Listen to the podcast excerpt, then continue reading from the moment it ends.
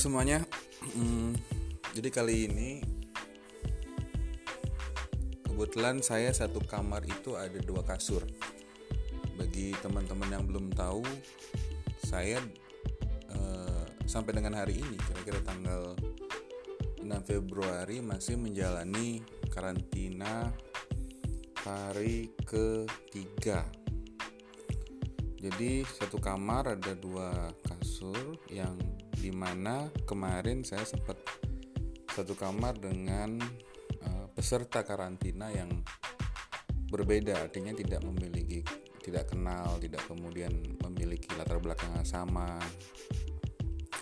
Mungkin jika hasil hasil keluarga hasil PCR keluarga saya menyatakan positif dan uh, bisa saya satu kamar dengan keluarga tapi kebetulan dari keluarga cuman saya yang sudah keluar hasilnya dan positif jadi saya diberikan satu kamar yang isinya dua bed yang di mana mungkin ada peserta yang juga satu orang dari keluarganya atau dari komunitasnya uh, terjangkit positif berdasarkan hasil PCR kemudian ditaruh di tempat saya atau mungkin di tempat lain yang, yang mungkin satu-satu.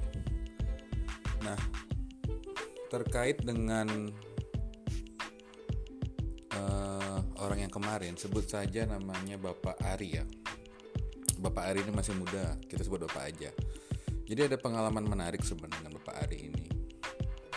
Pengalaman yang memang saya akhirnya rasakan sendiri gitu. Sebelumnya kan mungkin saya cuma dengar di media sosial dengar temannya teman dan seterusnya ini benar-benar saya ketemu langsung sama pribadi yang den denial dengan atau menolak covid itu ada.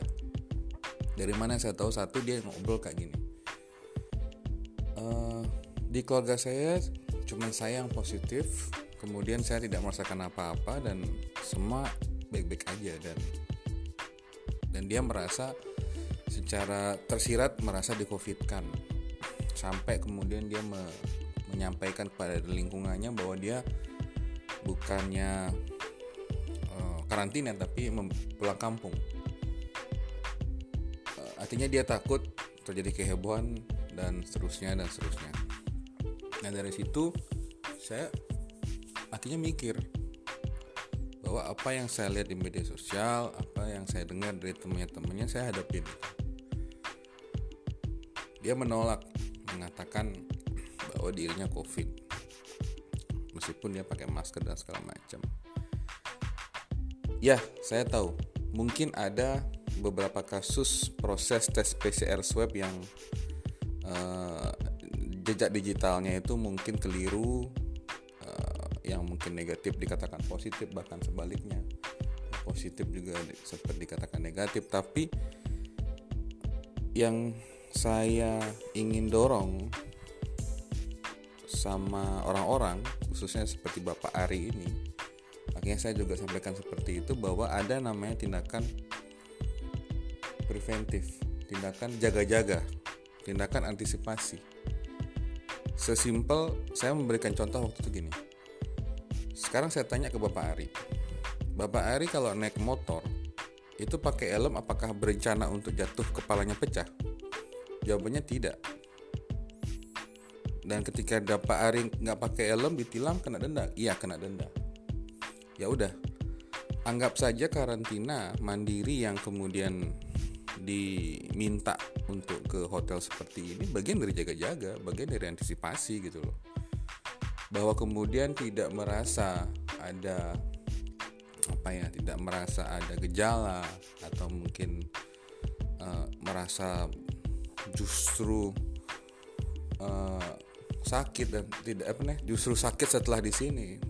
Menurut saya malah justru sebenarnya sepanjang satu tidak di sesimpel tidak dimintain duit ikutin aja gitu loh.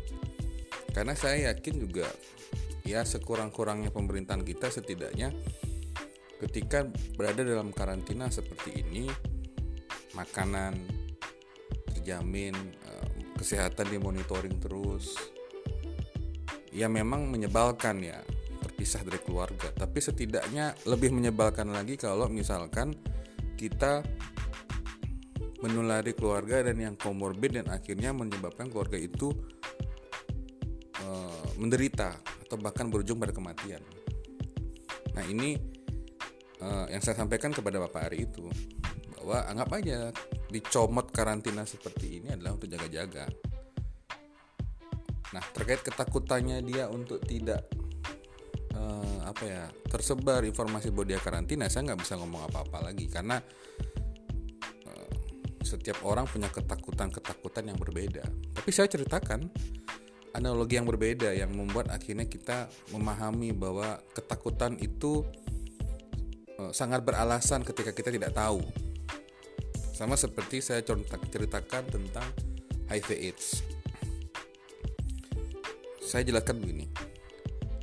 Bapak, kalau saya HIV AIDS, saya minum gelas atau saya tidur di tempat Bapak atau kita tidur di satu kasur, apakah Bapak takut? Jawabannya takut. Nah, itu dia, saya bilang gitu. Secara informasi, secara data, secara uh, yang disampaikan oleh tenaga medis. Mohon dikoreksi kalau saya salah, tapi saya yakin ini benar.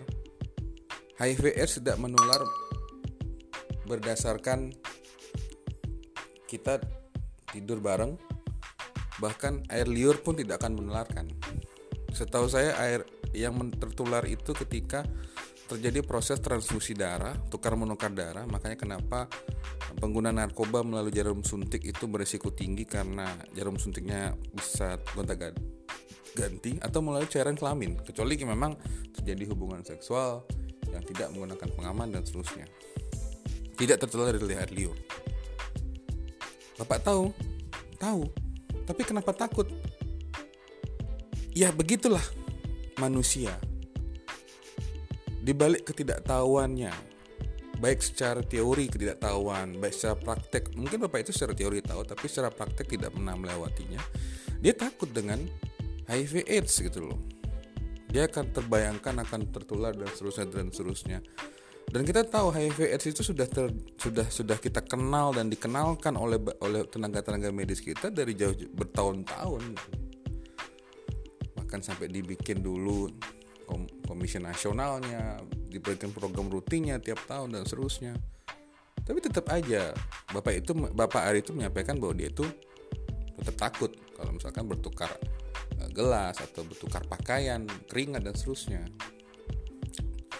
Apalagi COVID-19 yang jelas-jelas secara umur baru setahun.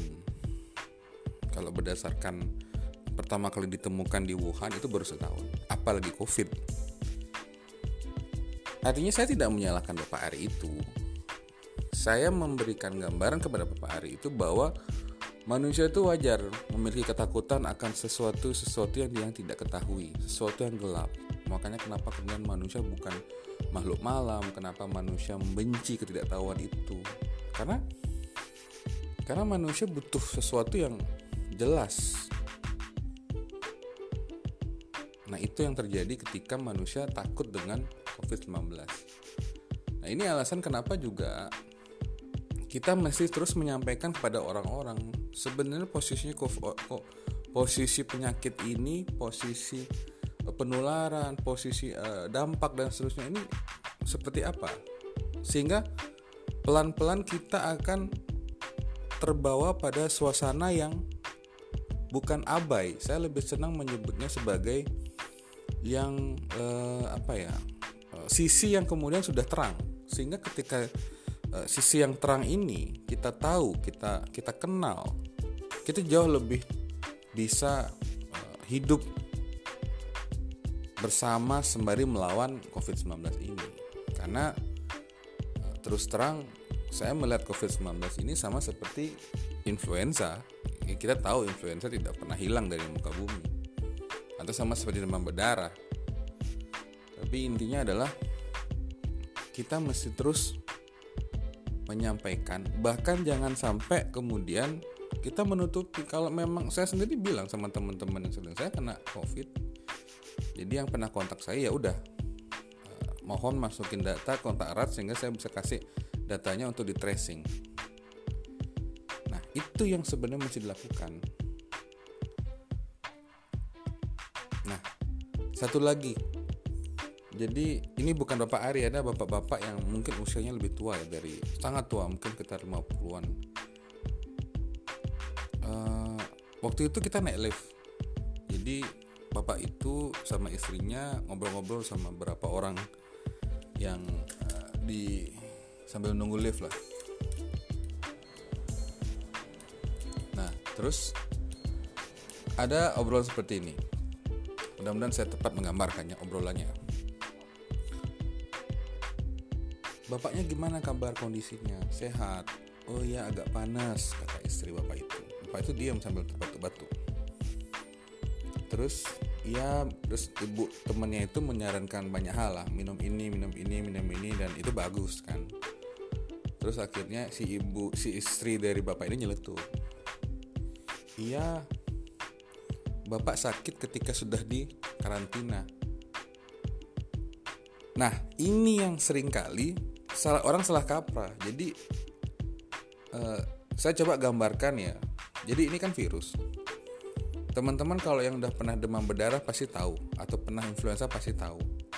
Jadi virus itu yang saya virus itu memiliki fase. Kira-kira fasenya itu ada puncak dan ada menurunnya. Naik puncak turun. Anggaplah seperti uh, grafik ya. Nah bisa jadi ketika di sini fasenya naik. Sehingga ya gejalanya muncul panas batu-batu dan seterusnya. Dia bisa jadi. Atau bisa jadi dia merasa uh, mentalnya tertekan. Yang saya tahu orang orang-orang di atas 40-50 tahun ke atas dia sudah memiliki dia dia memiliki satu situasi yang nggak nyaman di tempat yang dia nggak biasanya yang biasanya dia di rumah tiba-tiba pindah ke rumah orang atau ke hotel sekalipun yang bagus dia kan nggak nyaman. Nah itu kan tertekan. Apalagi mungkin orang-orang yang memang tidak biasa pakai AC ya. Pakai hotel kan dan namanya hotel itu kan pasti memiliki uh, pendingin yang rata-rata dingin lah. Apalagi tidak ada aktivitas apalagi kepikiran apalagi tidak tahu dengan kondisi covid seperti ini tidak teredukasi dengan baik. Jadi wajar kalau misalkan uh, kondisi tubuhnya bisa jadi memburuk ketika di karantina. Tapi setidaknya yang mesti harus di, di apa ya, yang harus disyukurin adalah bahwa ketika kita di karantina dan mungkin suhu kita naik dan seterusnya, kita memiliki akses kepada uh, kesehatan yang sangat lebih dekat. Artinya gini, ketika saya panas, ketika saya sakit, saya minta obat tuh gampang. Saya tinggal telepon tenaga kesehatan dikasih. Kalaupun toh misalkan harus dirawat secara ICU ya pasti saya kan dibawa kan ke ICU artinya memang sudah mendapatkan perawatan yang sebenarnya gitu loh. Dimonitoring dengan baik. Kenapa kenapa uh, mereka-mereka yang uh, itu nggak mikir sampai sejauh itu? Maksudnya kenapa nggak mikirin bahwa justru ketika saya menjadi karantina saya jauh lebih aman dan terjamin. Dalam artian ketika saya sakit ya udah saya akan diurus jadi jangan kemudian oh saya sakit baru di sini sakit. Akhirnya ketika itu di share ke mana-mana dibagikan, akhirnya itu menjadi satu kebenaran yang tidak memiliki dasar. Harusnya kan dilihat. Sama seperti kita pakai helm. Misalkan kita jalan dari dua jam, terus kemudian kita pulang. Kenapa sakit kepala? Ih, gara-gara pakai helm. Ya syukur-syukur kita cukup cerdas untuk mengetahui bahwa helm itu tidak bisa membuat kepala sakit kecuali helm itu kekecilan ya. Tapi ketika misalnya kita nggak tahu akhirnya kita berpikir wih helm itu jahat. Helm itu bikin sakit kepala. Ya udah nggak usah pakai helm dan seterusnya. Artinya kita mesti menjelaskan sesuatu kepada orang benar-benar dengan cara yang benar gitu loh. Jadi jangan kita lihat permuk kita lihat permukaannya kemudian kita sampaikan ke orang sehingga orang akan memiliki penafsiran yang tidak tunggal. Mestinya kita menyampaikan sesuatu ke orang lain supaya orang itu tidak berbeda penafsirannya dengan apa yang kita tafsirkan. Jadi itu yang uh, yang saya melihat langsung realita orang-orang yang terkena COVID, baik yang tidak bergejala seperti Bapak Ari, sama sekali, atau mungkin bergejala seperti bapak-bapak yang tua itu. Jadi itu yang saya coba ceritakan uh, di podcast ini supaya teman-teman pendengar itu paham apa sebenarnya dan bagaimana sebenarnya kita bersama-sama bergotong royong menyelesaikan persoalan ini. Jangan sampai nanti semua menolak, semua denial, akhirnya terjadi penularan ke mana-mana yang nggak terkontrol. Ketika sakit, nyalahin siapa? Nyalahin dokter lah, nyalahin pemerintah lah. Ya, memang saya akui pemerintah juga dan dokter juga manusia biasa yang barangkali ada kesalahan, tapi ini waktunya kita untuk saling mengkoreksi dengan data, dengan ide-ide yang konstruktif. Sehingga kita bisa bareng-bareng ngelewatin masa-masa sulit ini. Gitu. Itu dulu dari saya. Mungkin akan banyak podcast yang akan saya bikin sembari saya sendirian di kamar dan sembari saya melalui karantina ini. Tunggu aja dan terima kasih udah mendengar. Salam.